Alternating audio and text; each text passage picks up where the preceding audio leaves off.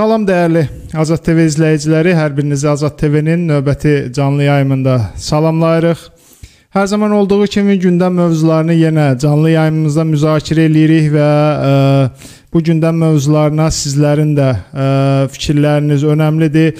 Yayımımıza qoşulmaq üçün suallarınızı yayımlarımızın ə, e, xatırladım ki, yayımlarımız hal-hazırda 3 platformda ə, Twitter, Facebook və YouTube ə, platformalarında eyni anda yayımlanır. Sizə uyğun olan ə, və iz, bizi izlədiyiniz platformdan suallarınızı yayımların şərh bölümünə və ya ekranda gördüyünüz WhatsApp nömrəsinə yazılı olaraq göndərə bilərsiniz. Biz də çalışacağıq ə, e, yayımımız ərəfəsində həm sizin fikirlərinizi səsləndirək, həm də qonağımıza ə, e, sizin fikirlərinizə münasibət bildirməsinə ə, e, şərait yaradaq. Ə, qeyd etdiyim kimi qonağımız var. Qonağımız ə, Müsavat Partiyasının başqanı dəyərli Arif Hacıdır. Onunla son son zamanlarda Azərbaycanda istər sosial mediada, istər ə, mediada müzakirə olunan önəmli mövzuları müzakirə eləyəcəyik. Yayımımızı bəyənib paylaşın ki, daha çox insan yayımımıza qoşula bilsin, daha çox insan bu yayımı izləyə bilsin və daha çox insan öz fikirlərini ə, e, bizə göndərə bilsin. Axşamınız xeyir Arif bəy, yayımımıza xoş gəldiniz. Çox sağ olun Nurlan bəy, axşamınız xeyir. Arif bəy, e, sizinlə uzun zamandır artıq e, bir e, yayım etmirik. Təbii ki, zaman-zaman fikirləriniz sosial şəbəkədə, mediada var, amma bu uzun zamanda müəyyən hadisələr baş verdi. Bizim üçün ən önəmli məsələlər olan Qarabağ ətrafında. İstərdim ki, bu belə deyək, yayımımızın olmadığı ərəfədə Qarabağdakı son situasiyanı nəzərə alaraq üst tərəfli bildiyimiz kimi 10 noyabrda imzalanan üst tərəfli sənədin müddəalarını ə, e, göz özündə bulundursaq, ə, e, bu sənədin müddəalarına bu müddətdə belə deyək, kimlər ə, e, nə qədər ə, yerinə yetirir müddəaları, kimlər yerinə yetirmir. İlk öncə bu mövzu ilə başlayaq, daha sonra ə, digər mövzular ətrafında suallarımız olacaq. Təəssüf ki, son dövrlərdə, son aylarda, həftələrdə Qarabağ ətrafında vəziyyət pisləşib. Yəni proseslər Azərbaycanın ziyanına doğru inkişaf edib. Hətta vəziyyət öyrə çatıb ki, elə Yuxarı Qarabağ ərazisindən e, Rusiya sülhməramlı qüvvələrinin yerləşdiyi ərazidən də bizim mövqelərimiz atəşə tutulur. Sərhəddə daim gərginlik mövcuddur və indi də elə 27 sentyabrdan əvvəl olduğu kimi hər gün biz xəbərlər buraxılışlarında atəşkəsin pozulması barədə məlumatları dinləməli oluruq.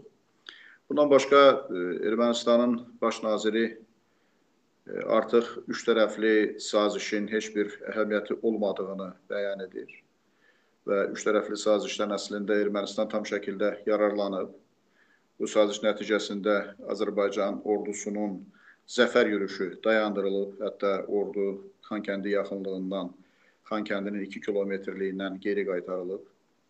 Həmin dövrdə elə Paşinyanın özünün etiraf etdiyi kimi 20 min erməni ordusu mühasirəyə düşməkdən xilas olub. Bu saziş imzalandıqdan sonra Xankəndini digər əraziləri tərk etmiş ermənilər öz yerlərinə yenidən qayıdıblar və onlar tam şəkildə orada yenidən məskunlaşıb normal bir həyat şəraiti yaratmağa nail olublar. Rusiyanın humanitar yardımı və digər humanitar yardımlar hesabına orada müharibə dövründə olan bəzi xırda dağıntılar da tam şəkildə aradan qaldırılıb. Rus silahlı qüvvələrinin orada yerləşdirilməsi nəticəsində faktiki olaraq Yuxarı Qarabağın erməni əhalisi e, Azərbaycandan heç bir asılılıq olmadan, eyni zamanda təhlükəsizlikləri tam şəkildə təmin olunmuş halda orada yaşamaq imkanları əldə ediblər. Yəni üç tərəfli sazişin bugünə olan nəticələri bundan ibarətdir və artıq bundan sonra Paşinyana üç tərəfli saziş lazım deyil. Yəni onların əsas bu sazişdə marağı ondan ibarət idi ki, Azərbaycan ordusunun zəfər yürüşünü dayandırsınlar, oraya Rus qoşunlarının gəlməsini təmin etsinlər. Eyni zamanda öz demoralizə olunmuş, tamamilə məhv olub sıradan çıxmaq təhlükəsi ilə üz-üzə olan ordularını, hərbi potensialını xilas etsinlər və bunu da ediblər. Buna görə artıq e, üçtərəfli razılaşmanın e, əhəmiyyətsiz bir sənəd olduğunu bəyan edirlər. Belə bir şəraitdə təəssüf ki, Azərbaycanın vəziyyəti heç də ürək açan deyil. Çünki Azərbaycan burada bütün istinadı Rusiyaya edib, Rusiyanın silahlı qüvvələrinə edib. İlham Əliyev bütün istinadı Putinlə olan şəxsi münasibətləri üzərinə yönəldib, ancaq Rusiya belə düşünmür. Elə Jirinovskinin açıqlamalarında da, Putinin açıqlamalarında da görürük ki, Rusiya təkcə Yuxarı Qarabağa yox, bütövlükdə bu əraziyə, Cənubi Qafqaza, bütün post-sovet məkanına Rusiyanın təsir dairəsi altında olması təbii olan, məcburi olan bir ərazi kimi yanaşır. Rusiya postsovet məkanı üçün bir jandarm rolu oynayır və bu baxımdan hal-hazırda Qərbin də mövqelərinin daha çox Ermənistana yaxın olması bizi xeyli dərəcədə çətin duruma salır. Ona görə İlham Əliyevin son açıqlamalarında bu məsələlərlə əlaqədar narahatlıq tonları var. O əvvəlki ritorika ki, ərazi bütövlüyümüz təmin olunub, münaqişə arxada qalıb, status görbagör oldu, Qarabağ tam şəkildə Azərbaycanın nəzarəti altındadır və s. kimi e, bəyanatlar artıq digər narahat bəyanatlarla əvəz olunub. Vəziyyət hər bir Azərbaycan vətəndaşını yəqin ki, narahat etməlidir və Azərbaycan hakimiyyəti çox qısa müddətdə ciddi siyasi, diplomatik addımlar atmaqla, bu sahədə ciddi e, təşəbbüs göstərməklə vəziyyətin dəyişdirilməsinə çalışmalıdır. Alper siz də qeyd etdiniz İlham Əliyevin son dövrlərdə ə, e, müəyyən fikirləri var ki, mən deyərdim ki, Əliyevlər hakimiyyəti dövründə Rusiyaya qarşı belə deyərdik, ə, e, ən sərt çıxışları olur və ə, e, bu sərt çıxışlar məsəl üçün ə, elə siz də qeyd etdiniz, Rusiyanın Qarabağda öz ə, vəzifələrin üzərinə düşən vəzifəsini yerinə yetirməməsi, bundan sonra ə, Ermənistana silah verməsi ilə bağlı çıxışlar oldu. Yəni biz təbii ki, bu hakimiyyəti Rus yönümlü bir hakimiyyət kimi hər kəs tanıyır. Son dövrlərdə nə baş verir? Yəni İlham Əliyevlə və ya Azərbaycan hakimiyyəti ilə Rusiya arasında, Putin arasında nə baş verir? Yəni İlham Əliyev Rusiyanın və ya Putinin e, belə deyək nəzarətindən çıxmağa mı çalışır, yoxsa nə baş verir ki, bu sərt bəyanatlar e, mediada yer almağa başlayıb? Rusiya əslində öz ampluasındadır. Rusiyanın siyasətində hər hansı bir dəyişikliklər baş verməyib. Təəssüf ki, Azərbaycan hakimiyyəti zaman-zaman güya Rusiyanın ə, e, rəhbərliyinə yaxşı münasibət, isti münasibət bəsləməklə Rusiyanın Azərbaycana münasibətini dəyişəcəyini gözləyir. Bu gözləntilər ə, e, doğru olmayanda belə bəyanatların ortalığa çıxması təbiidir. Yəni yalnız giləy-güzar etməklə Rusiyanın apardığı siyasətdən şikayətlənməklə, Rusiya ilə daha yaxın dost olmaq arzu və istəklərini bəyan etməklə Rusiyanın Azərbaycana münasibəti dəyişməyəcək. Azərbaycan məcburdur ki, çox vektorlu bir xarici siyasət aparsın. Azərbaycan Rusiya ilə münasibətləri saxlamaqla yanaşı, Qərblə münasibətləri yaxşılaşdırılmalıdır. Rusiyaya alternativ olan güc mərkəzləri ilə münasibətləri yaxşılaşdırılmalı və bu strukturlarda iştirak etməlidir. Mən dəfələrlə demişəm, bir də təkrar edirəm ki, Azərbaycan Ukrayna ilə, Moldova ilə, Gürcüstanla birlikdə yaradılmış Güyan birliyinin bərpa olunması və gücləndirilməsi istiqamətində təşəbbüs göstərməlidir. Buraya Türkiyənin də daxil olması istiqamətində addımlar atmalıdır. Türkiyə ilə 44 günlük müharibə dövründə olan xoş, yaxın isti münasibətlər qorunub saxlanmalı və e, inkişaf etdirilməlidir. Yəni yalnız e, Rusiyaya layal münasibəti sərgiləmək hesabına e, Rusiyadan Azərbaycanla bərabər hüquqlu münasibətlər qurmaq ə, e, istəyini, yəni onların bu cür davranmasına nail olmaq mümkün deyil. Yəni Rusiya görməlidir ki, Azərbaycanın alternativ variantları var və bu alternativ variantlar istiqamətində Azərbaycan ciddi irəliləyişlərə nail olsa, təbii ki, Rusiya Azərbaycanla hesablaşmaq zorunda qalacaq. Təəssüf ki, hələlik belə bir siyasət yoxdur və belə bu siyasətin nəticəsidir ki, bir tərəfdən e, Azərbaycan öz ərazilərinə Rusiya silahlı qüvvələrinin gəlməsinə icazə verib, buna razılıq verib. Ancaq burada olan silahlı qüvvələr Azərbaycanın mənafələrini nəzərə almır. Üç tərəfli razılaşmanın müddəalarının yerinə yetirilməsini təmin etmir. Diqqət edin, elə e, Rusiya əgər istəsə Rusiya sülh məramlı qüvvələri belə bir qərar versələr, bu 10 e, noyabr razılaşmasına uyğun olaraq erməni silahlı birləşmələrini Yuxarı Qarabağ ərazisindən qısa müddətdə çıxara bilməzlər. Elə çox asanlıqla bu məsələni hələ e, noyabr ayında həll etmək mümkün idi və həll edilməli idi. Elə razılaşmanın müddəalarında da göstərilir ki, Rusiya silahlı qüvvələri orada olan silahlı birləşmələrinin çıxarılmasına paralel olaraq Azərbaycan ərazisinə, Yuxarı Qarabağ ərazisinə daxil olacaq. Halbuki gecə saat 3-də e, elan olunan bəyanatdan düz 3 saat sonra səhər saat 6-da artıq Rusiya sülh məramlı qüvvələri Qarabağa yerləşdirildi.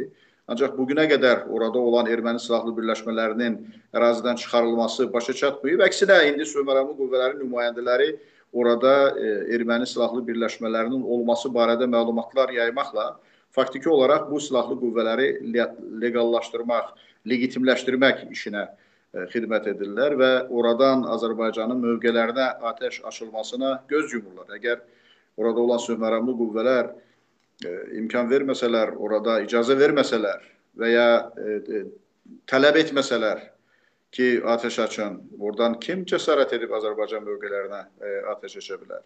Bundan başqa yaxın günlərdə məlumatlar yayıldı ki, orta məktəblərdə, e, digər e, yerlərdə e, orada Rus məramlı qüvvələri erməni vətəndaşlarını, erməni gənclərini hərbi biliklərə öyrədir, onlara hərbi təlimlər keçirlər. Yəni təbii ki, bu məsələlər sülhməramlı qüvvələrin mandatına aid olmayan məsələdir və Azərbaycan hakimiyyəti bu məsələdən nə qədər tez nəticə çıxarıb, nə qədər tez preventiv addımlar atsa, o qədər yaxşıdır.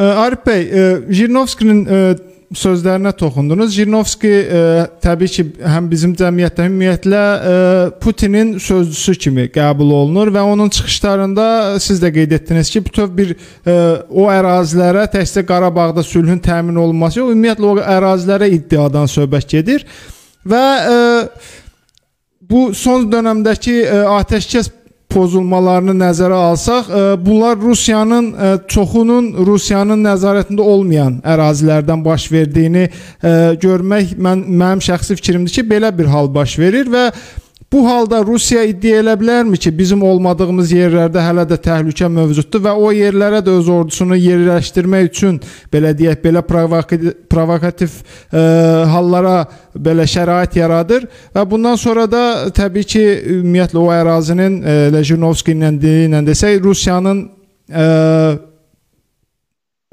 ərazisinə qatılması məsələsi gündəmə gələ bilərmi? Çünki müəyyən mənbələrdən eşidirik ki, oradakı erməni yerləşdirilən ermənilərin bir çoxuna rus pasportu da paylanılır, Rusiya vətəndaşlığı verilir. Yəni bu gələcəkdə mən dediyim məsələnin ortaya çıxmasına gətirib çıxara bilərmi?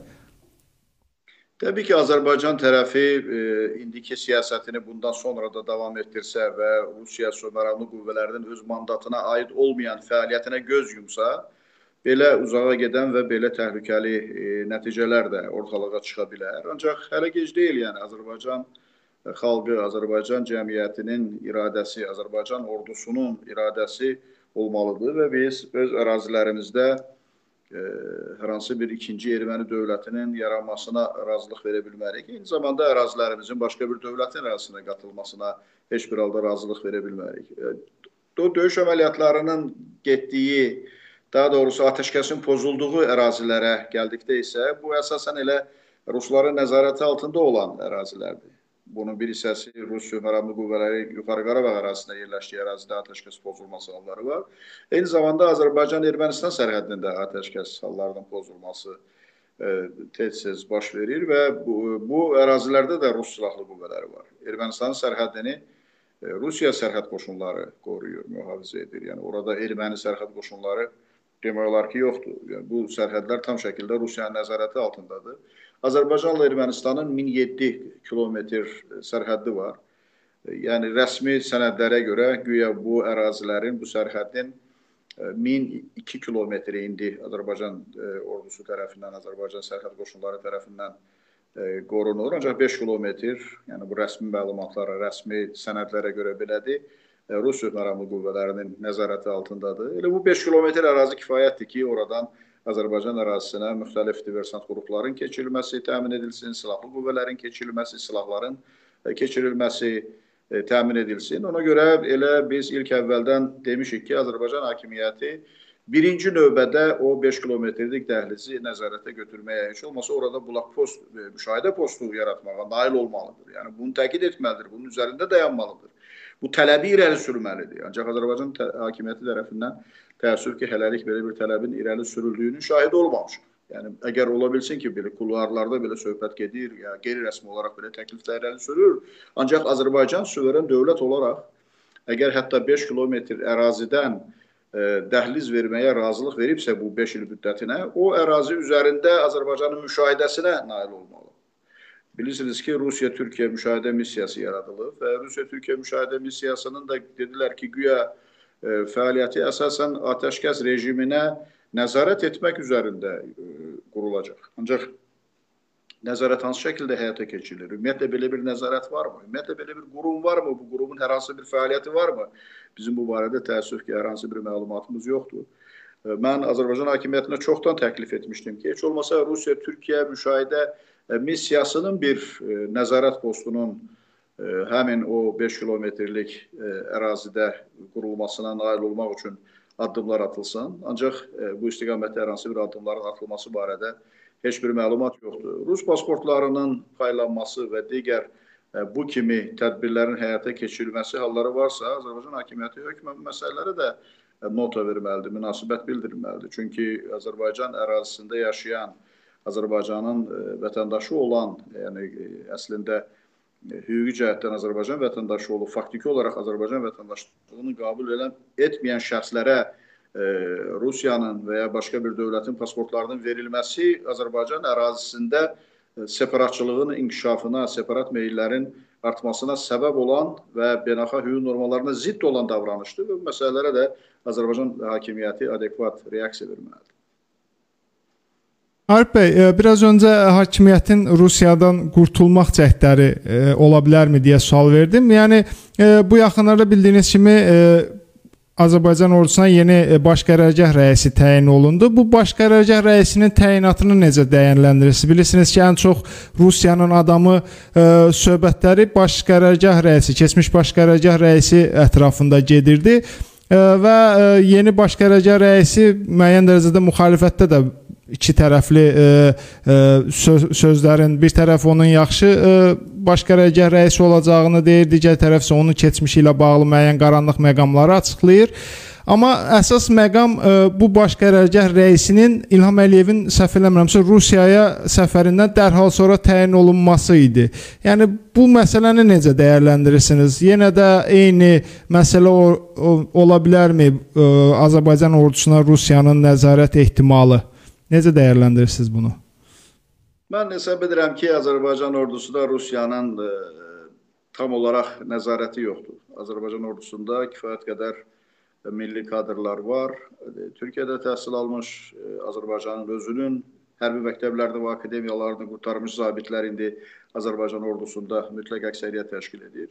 Nəcməddin Sadıxovun da e, yeni baş qərargah rəisinə dəyişdirilməsini müsbət addım, müsbət hal hesab edirəm və bunun Rusiyaya aidiyyatı olan bir hadisə kimi qiymətləndirmirəm. Hər halda Nəcməddin Sadıxovun Rusiya hərbi qüvvələri ilə əlaqələri barədə çoxlu məlumatlar var idi və 44 günlük müharibənin başlanmasından dərhal sonra onun vəzifəsindən kənarlaşdırılması da bu deyilənləri təsdiq edən fakt idi. Ancaq yeni baş qərargah rəisi həm təhsilinə görə, həm bundan əvvəlki davranışlarına görə daha çox Azərbaycana, Azərbaycan ordusuna bağlı olan bir e, şəxs kimi xarakterizə olunur və ümid edək ki, belə də olacaq. Yəni onun fəaliyyətinin bundan sonrakı fəaliyyətinin e, göstəricilərinə görə biz e, bu adamın gördüyü işlərə, onun bu vəzifəyə uyğun olub olmamağına münasibət bildirə bilərik.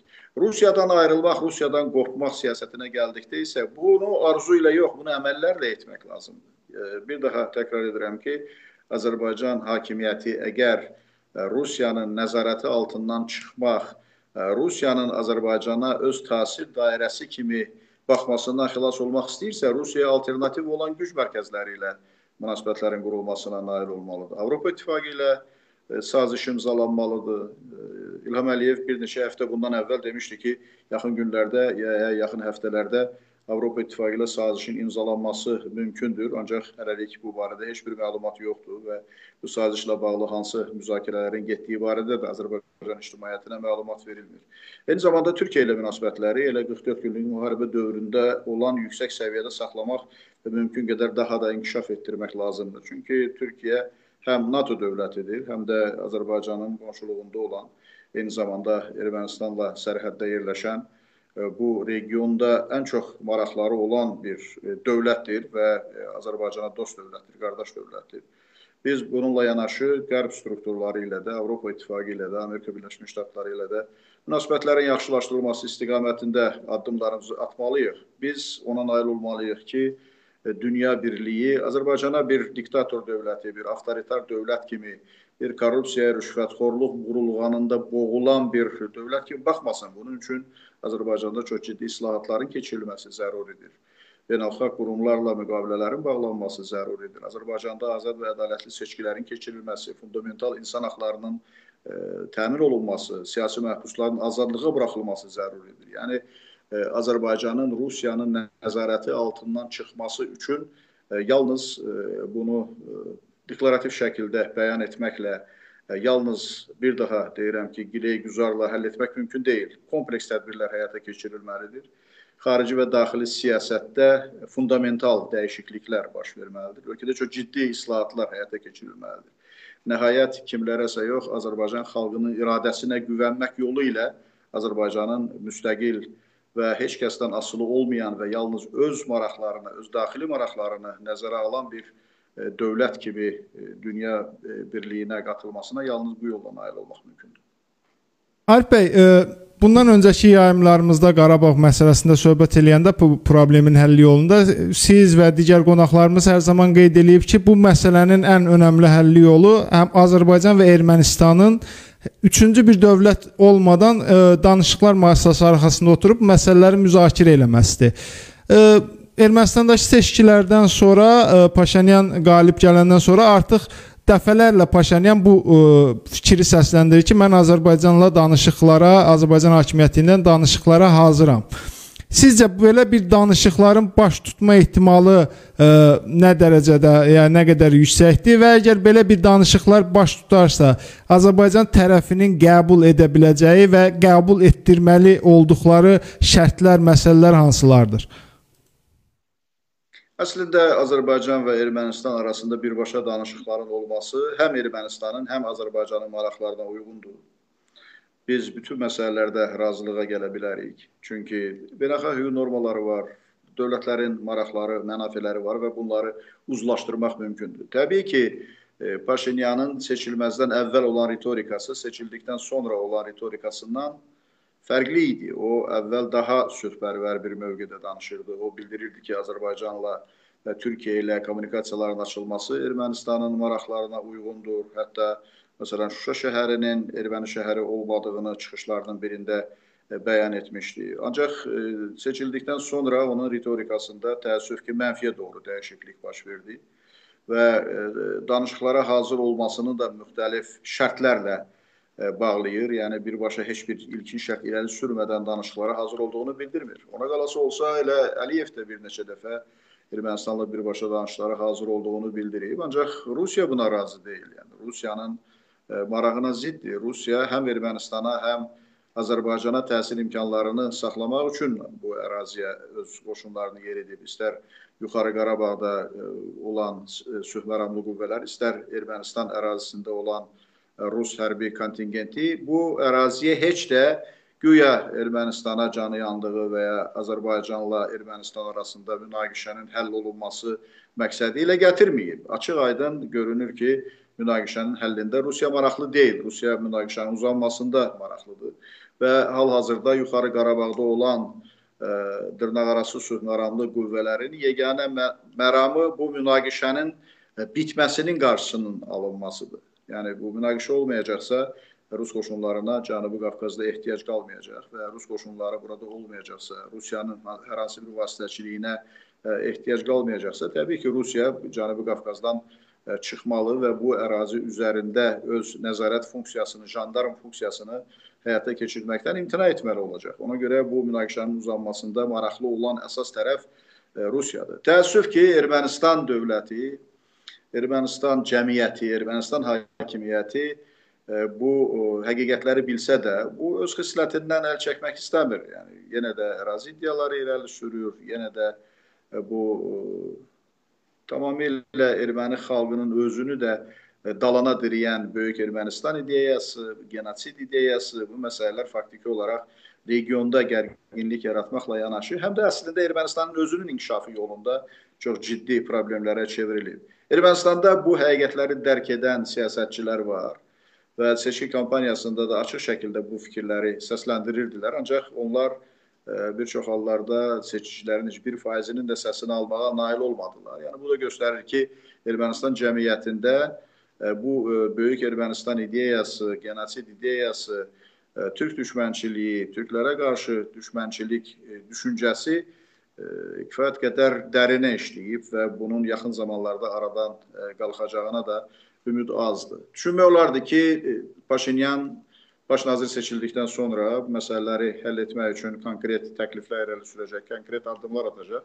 Ancaq biz belə addımların, belə təkliflərin şahidi olmuruq. O bir qədər də öz ritorikasında aqressivləşib və e, Ermənistan cəmiyyətinin dəstəyini almaq məqsədi ilə bir sıra populist bəyanatlarla e, çıxış edir və əgər e, Əliyevlə Paşinyan arasında birbaşa danışıqlar olacaqsa, bu danışıqlar nəticəsində hansısa razılaşmalar əldə olunacaqsa, bu münaqişənin həllində mühüm rol oynayacaq.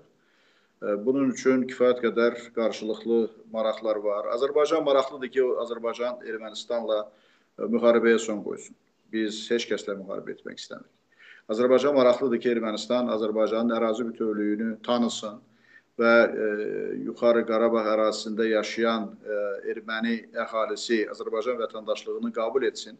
Bunun əvəzində də Azərbaycan həmin e, Azərbaycan vətəndaşlarına, yuxarı Qarabağ əhalisinə tam təhlükəsizlik e, qarantiyası versin. Yəni bunun üçün Azərbaycanın yetərli dərəcədə e, gücü və e, iradəsi mövcuddur. Zəngəzur dəhlizinin açılmasında əslində yalnız Azərbaycan maraqlı deyil. Zəngəzur dəhlizinin açılması həm Türkiyənin maraqlarına uyğundur, həm Rusiyanın maraqlarına uyğundur. Eyni zamanda elə dərindən yanaşsaq Ermənistanın da maraqlarına uyğundur. Biz o 40 42 kilometr ərazidən Naxçıvanla birbaşa əlaqə yaratmaq, Türkiyə ilə birbaşa daha bir nəqliyyat e, yolu əldə etmək imkanına malik olacağıq. Ermənistan da Azərbaycan üzərindən e, e, yüzlərlə kilometr ərazidən keçərək ODKB-yə aid olan dövlətlərlə, o cümlədən Rusiya ilə birbaşa nəqliyyat və dəmir yolu əlaqəsinə nail olacaq. Yəni bunun Ermənistanın da maraqlarına uyğun olan tərəfləri var. Və bu məsələlərin hamısı müzakirə olunduqdan sonra mənə elə gəlir ki, Ermənistanla Azərbaycanla Ermənistan arasında müqavilənin bağlanması, sazişin imzalanması mümkündür və Azər və e, hesab edirəm ki, təkcə e, bu məsələyə maraqlı olmayan əsas qüvvə Rusiyadır. Elə birinci gündən müharibə başa çatdıqdan dərhal sonra biz təklif etmişdik ki, müzakirələr ya iki tərəfli, ya dörd tərəfli olmalıdır. Əgər iki tərəfli müzakirələr olacaqsa, bu Azərbaycanla Ermənistan arasında birbaşa müzakirələr ola bilər və məsələn Tbilisi şəhərində keçirilə bilər və Gürcüstanın e, vasitəçiliyi bu məsələ həll oluna bilər. Başqa bir variant e, dörd tərəfli müzakirələrdir. Əgər beynəlxalq sahədə dünya birliyi içərisində Ermənistanın əsas havadarı olan və müttəfiqi olan dövlət Rusiyadırsa, Azərbaycanın əsas müttəfiqi olan dövlət də Türkiyədir. Ona görə əgər Ermənistan hansısa bir beynəlxalq dəstək almaq, beynəlxalq qarantiya üçün Rusiyanın bu prosesdə iştirakını istəyirsə, biz də Türkiyənin bu prosesdə iştirakını istəyirik. Yəni danışıqlar ədalətli olmaq olar ki, ya iki tərəfli olsun, ya da dörd tərəfli danışıqlar olsun. Bu məsələlər barədə də Azərbaycan hakimiyyətinin hansısa bir ciddi təşəbbüs ki, şahidi olmuruq. İlham Əliyevin son çıxışına gəldikdə isə hər halda burada bir dəyişiklik ondan ibarətdir ki, görünür dövlət başçısı qələbə eyfariyasından bir qədər ayılıb və e, Azərbaycan üçün yeni təhlükələrin olduğunu başa düşüb və ona görə də bu narahatçılıqlarını e, həmin e, çıxışlarında CNN Türk televiziyasına verdiyi müsahibədə eyni zamanda Yuxarı Qarabağ ərazisinə, ə, Dağlıq Qarabağ ərazisinə, bütövlükdə Kəlbəcərə və Laçına səfər etdiyi zaman çıxışlarında məsələlərə müəyyən qədər toxundu.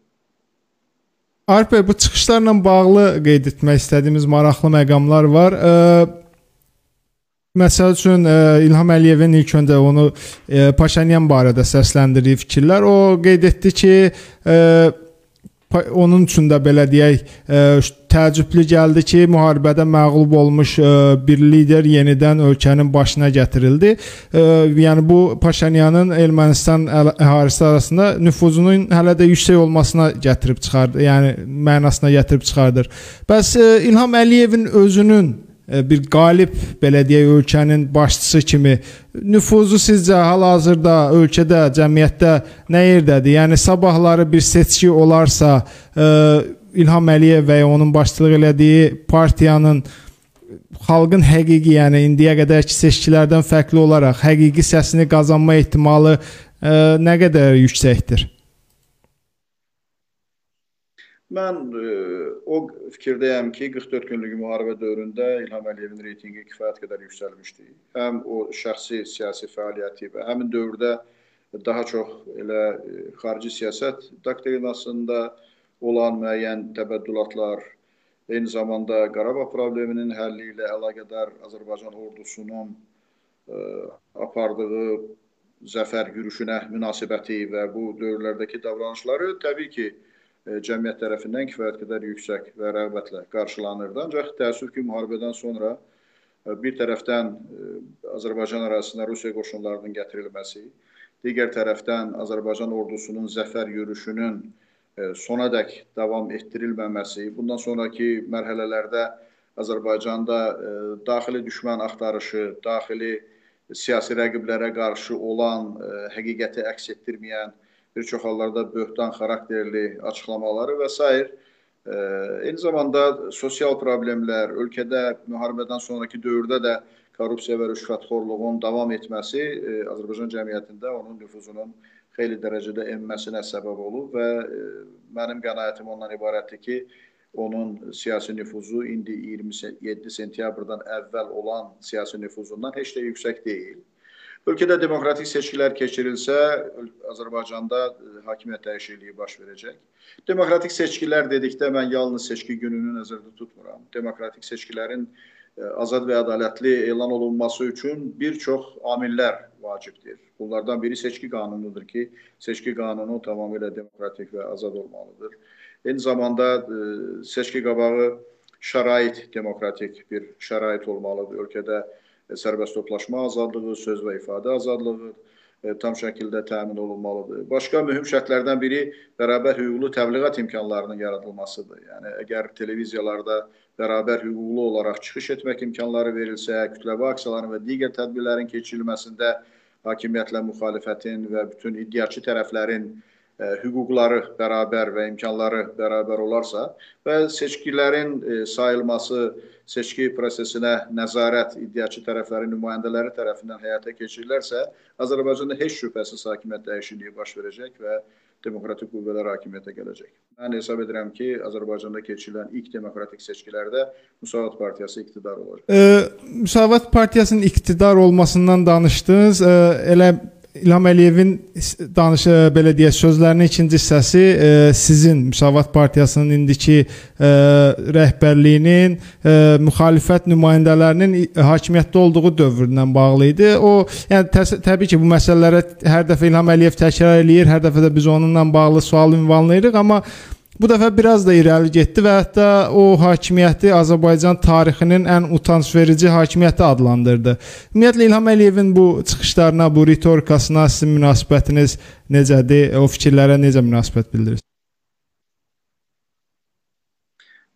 Mən bu fikirlə tamamilə e, razı deyiləm və bu fikrin heç bir əsası yoxdur. Azərbaycan tarixində yəni Azərbaycan söhbət müasir tarixindən, respublika tarixindən gedirsə, ən şərəfli e, hakimiyyət 18-20-ci illərdə olan bir hakimiyyətdir ki, bütün dünyada nümunə kimi göstərilir. Bu hakimiyyətdən sonra ən uğurlu və ən şərəfli hakimiyyət kimi məhz Elçi bəy hakimiyyətini nümunə göstərmək olar. Azərbaycan cəmiyyətində də bu bu şəkildə də qəbul olunur. Ön yerdə 18-20-ci illər hakimiyyəti, sonrakı yerdə isə 92-93-cü illərdə mövcud olmuş hakimiyyət göstərilir.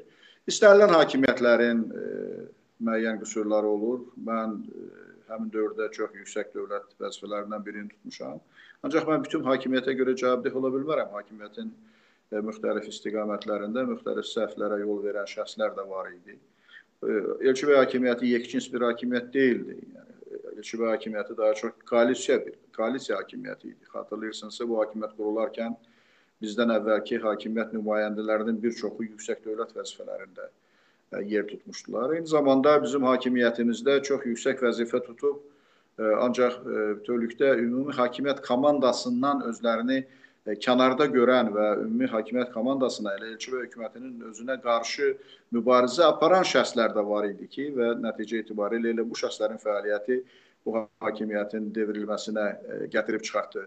Bu baxımdan e, elçi və hakimiyyətinin səhvləri var idi. Mən bunu başqa çıxışlarımda da demişəm. Elçi və hakimiyyətinin ən böyük səhvi, ən böyük günahı ondan ibarət idi ki, Azərbaycan xalqı tərəfindən 5 il müddətinə verilmiş mandatı bir ildən sonra itirdik və e, bu mandatı sona dək qoruyub saxlaya bilmədik. Bu çox ciddi bir e, problemdir. Ancaq o dövrün xüsusiyyətlərini də nəzərə almaq lazımdır. Əlfəz Elçibəy, Əlfəz Elçibəyin yaxın komandası e, bu gün Xalq Cəbhəsi partiyasının və Müsaad partiyasının rəhbərliyində təmsil olunan Xalq Cəbhəsi və Müsaad partiyasının üzvləri həmin dövrdə çox şərəfli fəaliyyət göstəriblər. Müharibədə güya ərazilərimizin işğal olunmasında Xalq Cəbhəsinin və AXC hakimiyyətinin hər hansı bir e, günahı var idisə, bu illər ərzində e, istər Heydər Əliyevin, istər İlham Əliyevin bunu e, sübut etmək üçün kifayət qədər yetərli imkanları var idi. Əvvəla Şuşa, Laçın, Xocalı, digər ərazilər biz hakimiyyətə gəlməzdən əvvəl işğal olunub və ona görə biz məsuliyyət daşıya bilmərik. İkincisi, e, Kəlbəcər istisna olmaqla digər rayonlar bizdən sonraki hakimiyyətin, yəni Heydər Əliyevin hakimiyyəti dövründə işğal olunub. Biz buna görə də məsuliyyət daşıya bilmərik. Bizim üzərimizdə əsas məsuliyyət e, Kəlbəcərin işğal olunması ilə bağlıdır. Kəlbəcərin işğal olunması dövründə e, bu məsələlərə də ən çox məsuliyyəti daşıyan ilk növbədə ordudur. Və heç kəsə sir deyil ki, Kəlbəcər işğal olunarkən həmin ərazilərin təhlükəsizliyini təmin edəcək, o əraziləri müdafiə edəcək əsas hərbiçi Nəcməddin Sadıqov idi. Nəcməddin Sadıqov korpus komandiri idi və korpus komandiri olaraq orada olan e, briqada komandirlərinə rəhbərlik edir. Digər bundan daha aşağı olan hərbi hissələrə e, rəhbərlik etmək səlahiyyətləri Nəcməddin Sadıqova məxsus idi. Və əgər Kəlbəcərin işğal olunmasında elçi və hökumətinin hər hansı bir günahı varsa, burada ilk növbədə günahkar olan şəxs fərd olaraq həmin dövrdə həmin ərazinin e, müdafiəsini təşkil etməli olan korpus komandiri bu məsələlərə cavabdehdir. Ancaq e, Heydər Əliyevin hakimiyyəti dövründə Nəcməddin Sadıxova e, general polkovnik rütbəsinə qədər rütbələr verildi və o təxminən 30 ilə yaxın ali baş qərargahın rəisi vəzifəsində saxlanıldı. Əgər Kəlbəcərin işğal olunmasında hakimiyyətin hər hansı bir günahı vardısa, bu günahda ön yerdə dayanan şəxs Nəcməddin Sadıxov idi. Elə Şuşa haqqında tez-tez bu fikirlər səsləndirilib. Şuşa işğal olunarkən Şuşanın azadlığına cavabdeh olan e, baş qərargah rəisi Şahin Musayev idi. Şahin Musayev Rusiyanın e, təbəsidir və e, Rusiyada hal-hazırda da yaşayır.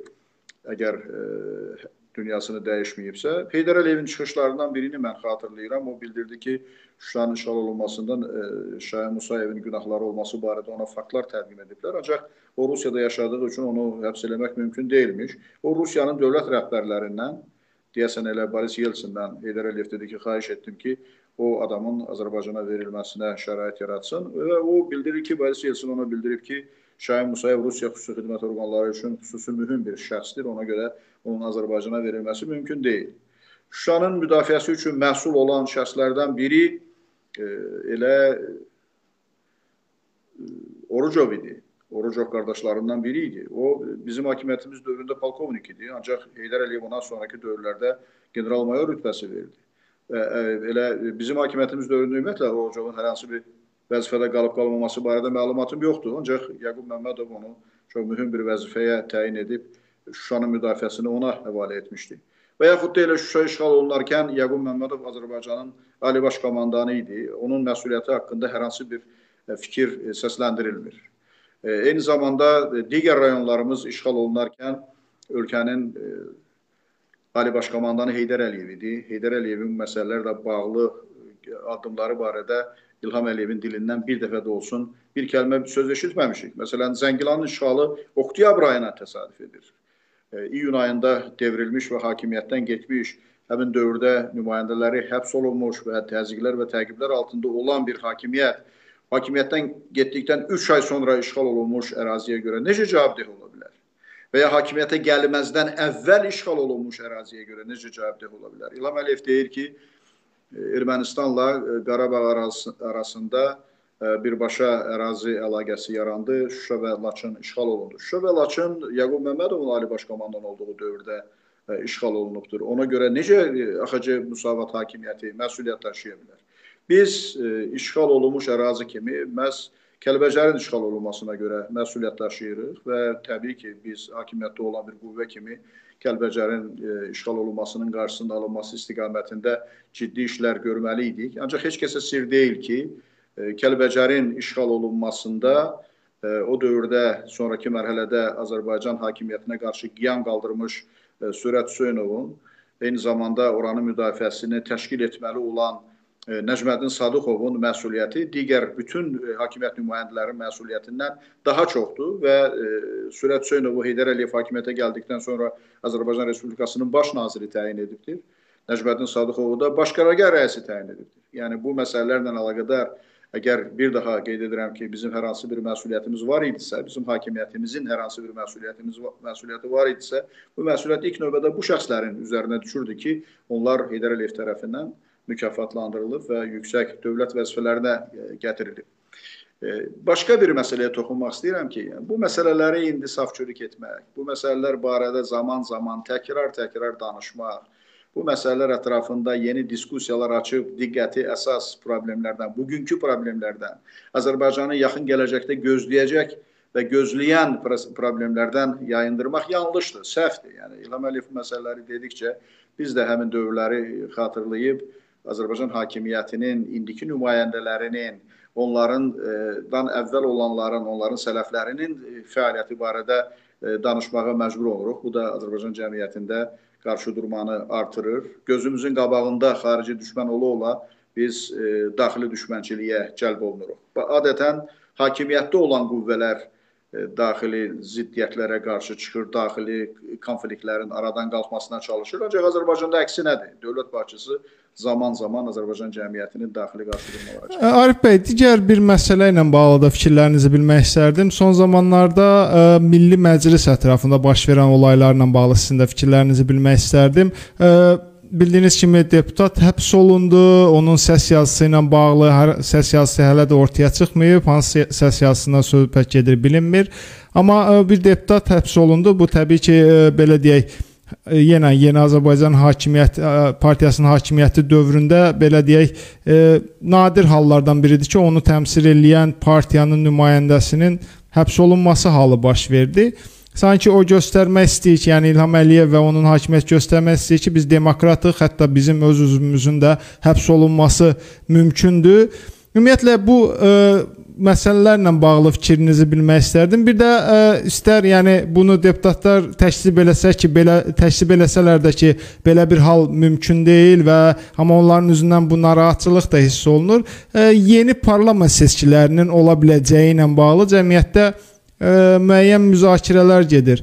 Yəni belə bir ə, parlament seçicisinin olması ilə bağlı siz nə qədər yəni bu məsələ realdırmı? Əgər belə bir seçki olacaqsa, ə, yeni təyinatların kimlər ola biləcəyi ilə bağlı fikriniz necədir? Əvvəla e, mən o fikirdə deyiləm ki, deputatların həbs olunması bu hakimiyyətin dövründə adi haldır. Bundan əvvəl də e, xeyli deputatlar həbs olunub. Belə bu çağırışda olan E, deputatların sırasından, bundan əvvəlki çağırışda olan deputatların sırasından həbs olunanlar var. Nazirlər həbs olunub. Yəni bu hakimiyyətin dövründə belə hallar e, zaman-zaman baş verir. Və bu heç də yeni parlament seçkilərinin keçiriləcəyinin anonsu kimi qəbul olunmamalıdır. Hal-hazırda olan siyasi şərait hakimiyyətin maraqlarına uyğundur. Xüsusilə bu pandemiya dövründən də Azərbaycan cəmiyyətinin E, hüquq və azadlıqlarını məhdudlaşdırmaq üçün tam şəkildə istifadə edirlər. Ölkədə normal bir e, kütləvi tədbirlərin keçirilməsinə icazə verilmir. İnsanların bir yerə toplaşmasına icazə verilmir. Toplantılar keçirilməsi e, məhdudlaşdırılıb və bu belə bir şəraitdə hakimiyyətin parlament seçkiləri keçirməsində maraqlı olacağı qənaətində deyiləm. Azərbaycanda e, normal dəyişikliklərə nail olmaq üçün konstitusiya dəyişiklikləri baş verməlidir. Yəni seçki qanunu e, ciddi şəkildə dəyişdirilməlidir. Ümumiyyətlə parlament quruluşu tamamilə dəyişdirilməlidir və başqa sistem e, təklif olunub bizim tərəfimizdən və bu sistemlər qəbul olunmalıdır. Proporsional seçki sisteminin bərpa olunması e, zəruridir. Yerli özünü idarə etmə sistemində çox ciddi islahatların aparılması və dəyişikliklərin aparılması lazımdır. Ancaq Azərbaycan hakimiyyəti buna hazır deyil. Azərbaycan hakimiyyəti hakimiyyətini elə bu vəziyyət qane edir. Yəni avtoritarizmin e, tam şəkildə bərqərar olduğu, cəmiyyətin susturulduğu və e, repressiya şəraiti ilə cəmiyyətin barışdığı bir e, dövrü yaşayırıq və ona görə hakimiyyət bu dövrdə hər hansı bir dəyişikliklərin olmasında e, yəqin ki maraqlı olmaz. Ancaq mən ümid edirəm, inanıram ki, Azərbaycan cəmiyyəti xüsusilə postpandemiya dövründə öz iradəsini ortalığa qoyaraq Azərbaycanda siyasi dəyişikliyə nail olacaq.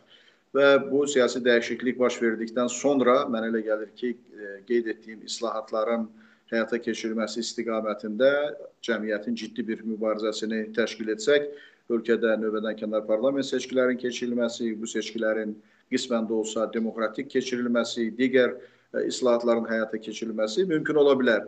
Ancaq indiki süslük və hakimiyyətin tam şəkildə cəmiyyət üzərində nəzarəti həyata keçirdiyi bir şəraitdə təbii ki, belə bir dəyişikliklərin olacağına ümid bəsləmək mümkün deyil. Çünki ölkədə demokratik dəyişikliklərin yolunda ən böyük maneə Azərbaycan hakimiyyətidir. Azərbaycan hakimiyyəti heç bir dəyişikliyin olmasını istəmir və könüllü olaraq heç vaxt hər hansı bir islahat həyata keçirtməyəcək. Hər hansı bir dəyişikliklər baş verəcəksə, islahat adı ilə, hakimiyyətin iradəsi ilə hər hansı bir dəyişikliklər baş verəcəksə, bunlar pozitiv yox, neqativ dəyişikliklər olacaq. Təşəkkür edirəm Arif bəy. Düşünürəm ki, bəzi məsələlərə aydınlıq gətirə bildik. Bu gün başqa yayınlarda da olduğunuzu bilirəm. Müəyyən məsələlər təkrarlanmasın deyə o məsələlərə toxunmuram, amma təbii ki, müəyyən gələcək yayınlarımızda başqa məsələlər üzərində də müzakirələrimiz olacaq. Bu gün isə bizə ayırdığınız vaxt üçün sizə təşəkkür edirəm.